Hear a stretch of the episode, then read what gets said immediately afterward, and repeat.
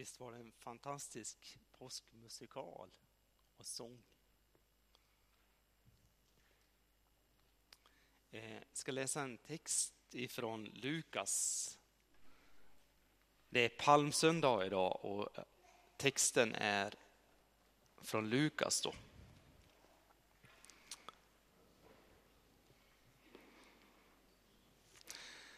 Det är från vers 28 och jag kommer läsa ner till vers 40. Sedan Jesus hade sagt det gick han upp till Jerusalem.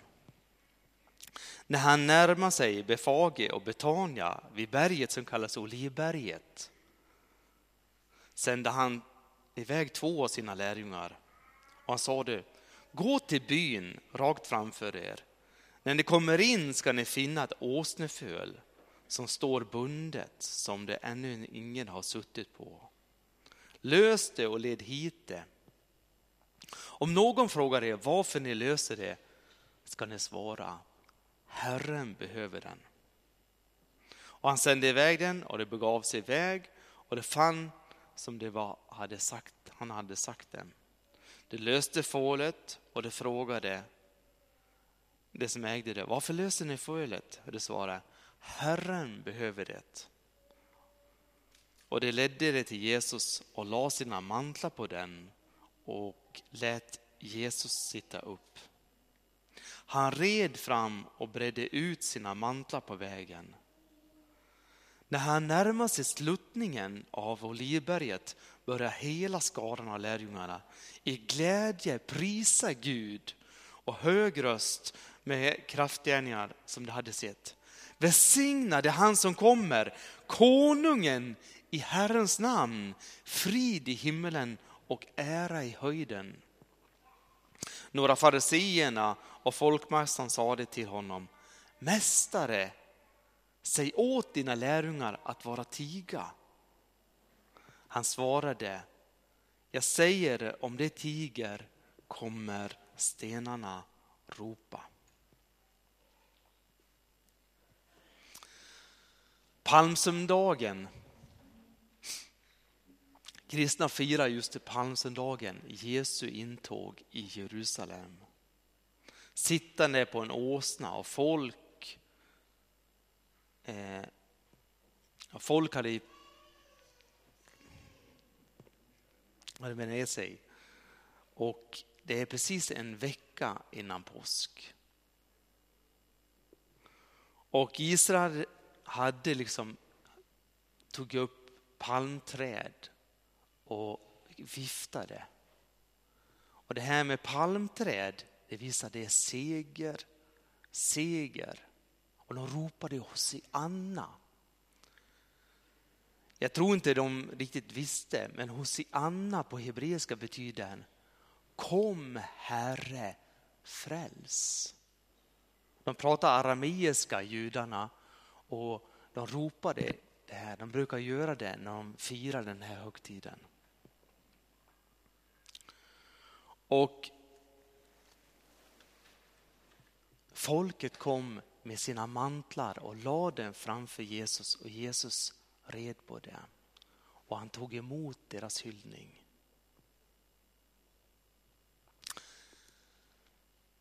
Vad var det som gjorde att detta enkla folk kunde ta emot Jesus? Vad var det som hände där? Hur kunde de agera så där? Kan man fråga sig. Och det här med Messias, väntan på att Messias skulle komma var väldigt stark i Israel. De har sett det i profettexterna, jag kommer läsa en profettext om det där. Att Messias kommer ridande på en åsna. Och de väntade på den här, den smorde konungen som ska be, befria dem från romarnas tynari. Och sätta judafolket, Israel, ut i frihet. Och det fanns en väldig förväntan bland judarna. Högtiden som kommer firas här, eh, osyrade brödets högtid. Då brukar man slakta ett lamm, ge en del till templet och så hade man festmåltid. Och när man dukar upp i hemmen då brukar man ha lämnat en plats tom och ett vinglas där. Och det betyder liksom, vi väntar på Messias. Ingen satt på den platsen för den var reserverad för Messias. Och det här hade man gjort år efter år efter år. Så det fanns hos det här enkla folket en förväntan att Messias skulle komma. Och när de hade sett alla under som hade skett genom Jesus, sett alla människor som har blivit helade. Lazarus, som alldeles tidigare här hade varit död i fyra dagar och Jesus uppväckte honom från döden. Och säger, alltså, vad är det här för man? Det måste ju vara Messias.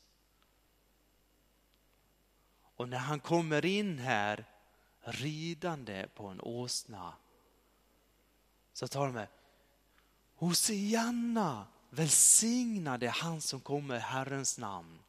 Välsignade honom. Och de kom ut från Jerusalem och, och gav, eh, ropade Jesus är konung. Jesus är Messias.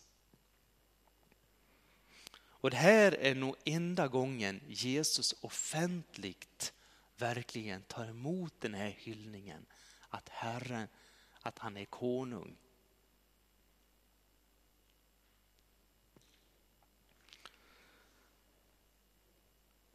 Vi kan titta i Sakarja. Fröjda dig storien, Sakarja 9 och 9. Fröjda dig storling du dotter Sion, höj jubelrop du dotter Jerusalems dotter. Se din konung kommer till dig, rättfärdig och segerrik är han. Han kommer ödmjuk ritade på en åsna, på en åsneföl. Jesus kunde den här texten. Och jag tror det var därför han skickade iväg lärjungarna. Han såg, okay, i den här byn, alldeles precis utanför första byn innan Jerusalem, gå och lösgör det här djuret och ska sätta mig på det. Så profetorden går i fullbordan. Och lärjungarna gör så och gör precis, och det händer precis som Jesus hade sagt.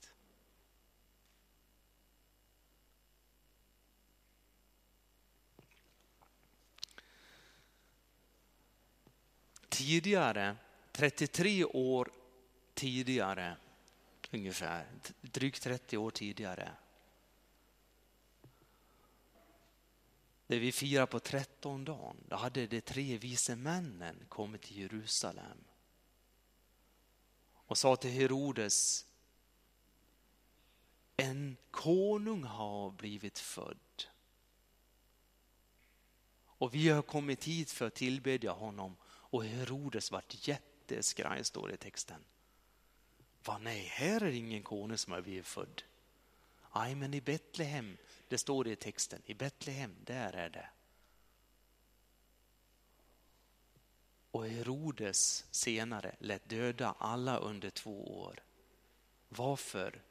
Jo, han var rädd den konung som har blivit född. Redan där talar de att Jesus är konung, Herren. Jesus är konungarnas konung och herrarnas herre.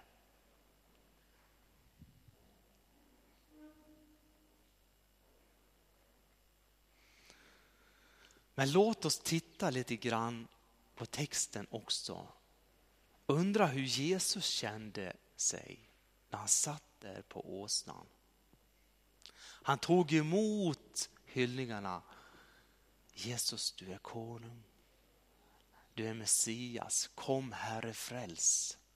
Han uppfyller profetierna som har sagt det om honom. Men i texterna, vägen till Jerusalem, när han satt där. Vad gjorde Jesus? Han grät. Han grät över Jerusalem. Han, den här Jesus som var mild och ödmjuk.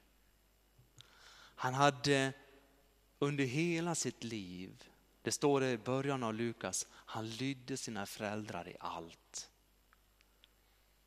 Han var mild och ödmjuk, han hade bara hjälpt människor.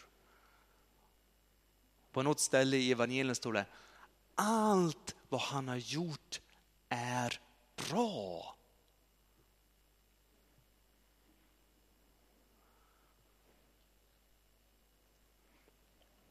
Och han kommer in som en konung.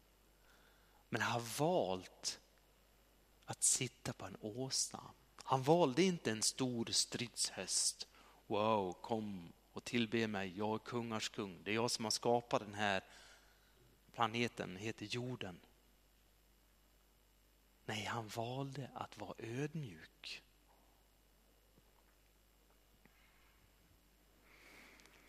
Hans tankar tror jag också låg längre fram. När han börjar se Jerusalem börjar han se och han står att han börjar gråta över Jerusalem. För han förstod, han såg precis som i, i den här påskmukalen, snart kommer de ropa korsfäst honom, korsfäst honom. De ropar Messias nu, men snart kommer de ropa korsfäst, korsfäst. Han tänkte på Jerusalem och alla profeter som har varit där. Som har ropat ut evangeliet. Men folket har ropat, vi vill inte lyssna, vi vill gå vår egen väg. Och jag tror att Jesus också tänkte på den här kalken som det är beskrivet i Getsemane. Så han bävar så inför och säger Herre, jag vill inte ha mot, ta emot den där kalken. Men inte min vilja utan din. Vad var det då i den där kalken? Jag tror det var all världens synd från Adams, Adams tid till att vi, Jesus kommer tillbaks samlas koncentrerat i en enda dryck. Och han bävade inför det där. Jag vill inte dricka det här. Han som inte visste vad synd ska bli ett med synden.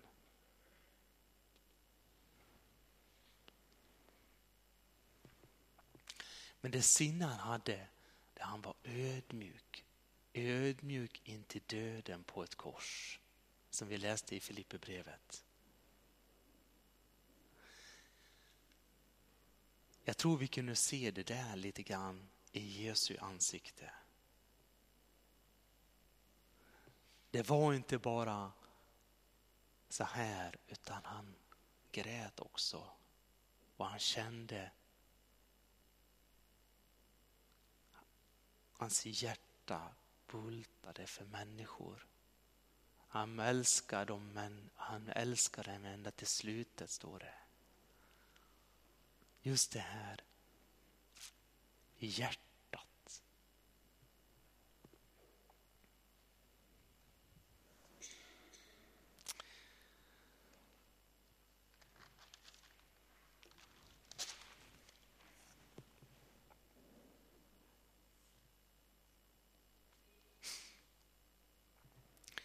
Bilden av Jesus som ödmjuk tjänare som är lydig in döden.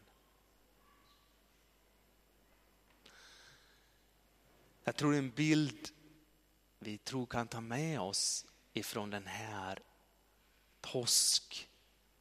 Att vi ser honom. Han visste att han var konungars konung, men han valde att bli ödmjuk.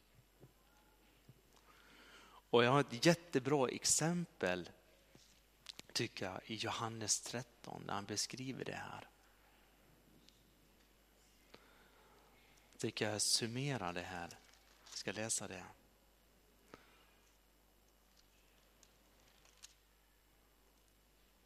Och det sammanhanget talar just om när Jesus tvättar sina lärjungars fötter.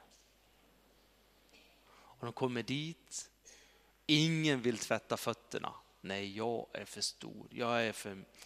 Inte ska jag, jag som är Petrus, inte ska jag tvätta mina lärjungars fötter eller någon annan. Vad gör Jesus? Jo, han reser sig upp, tar manteln och så börjar han tvätta lärjungarnas fötter en efter en efter en. Och så säger han någonting. Ni kallar mig mästare och herre, 13 och 13. Ni kallar mig mästare och herre och därmed rätta, för det är jag.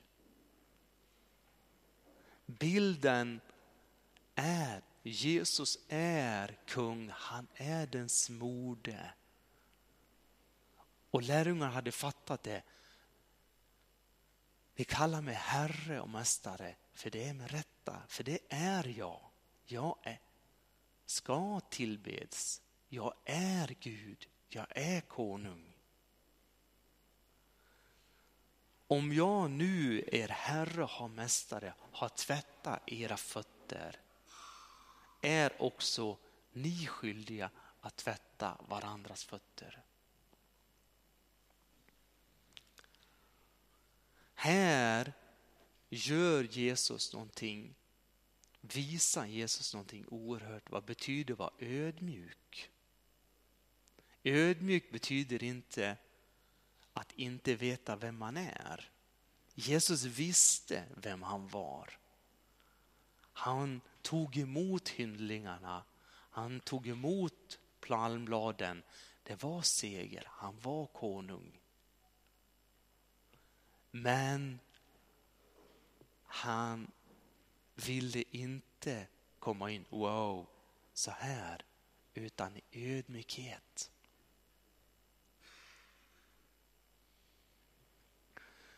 När jag jobbar med just den texten, vad betyder det här för oss? Att vara ödmjuk. Och då har jag landat här i Johannes 13. Det är veta, jag är kristen. Jag tillhör den levande Gudens församling. Gud har frälst mig, jag vet vem jag är. Men jag vill också vara med och tjäna och betjäna. Inte för att jag ska bli dörrmatta, utan att älska som Kristus har älskat mig. Det här med palmsöndagen, för mig det är liksom yes, vi tillber konungarnas konung, herrarnas herre. Om det är någon som ska ha tillbedjan så är det Kristus. Han är verkligen värd, för han har gjort oss. Men han att uttrycka det till mina medkänslare, det är att kunna visa medkänsla, att betjäna människor. Precis som Jesus. Inledningsordet var ju från Flipperbrevet 2. Jag ska läsa det igen.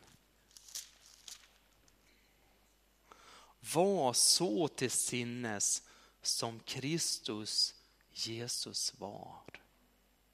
Var så till sinnes som Jesus Kristus var. Jag tror i alla fall när jag läste den texten, jag tolkar just det här sinnet att vara ödmjuk. Man vet vem man är. Jag vet vem jag är i Kristus.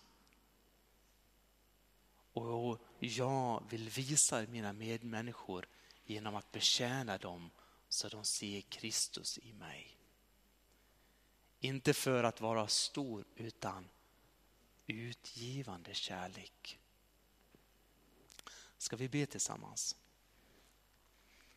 Herre, tack Herre för att du har visat ett exempel. Du gick in, du uppfyllde profetiorna som har sagts genom dig. Varenda profetia. Och jag tackar dig för att du gjorde det. Judarna, detta enkla folk, förstod det och ropade. Och segerpalmerna viftade och sa Messias, kom Herre fräls, Davids son. Och hela stan kom i rörelse. De gjorde det. Och vi får göra det. Herre Jesus, du är vår konung och du är vår frälsare. Vi får ge dig tillbedjan för du är värd den. Men vi får också uttrycka våra liv att visa kärlek till vår nästa på våra arbetsplatser. Herre, ge oss ditt sinne. Det sinne som du hade. Att vara ödmjuka och lydiga och älska dig och älska vår nästa. Jag ber om det i Jesu namn.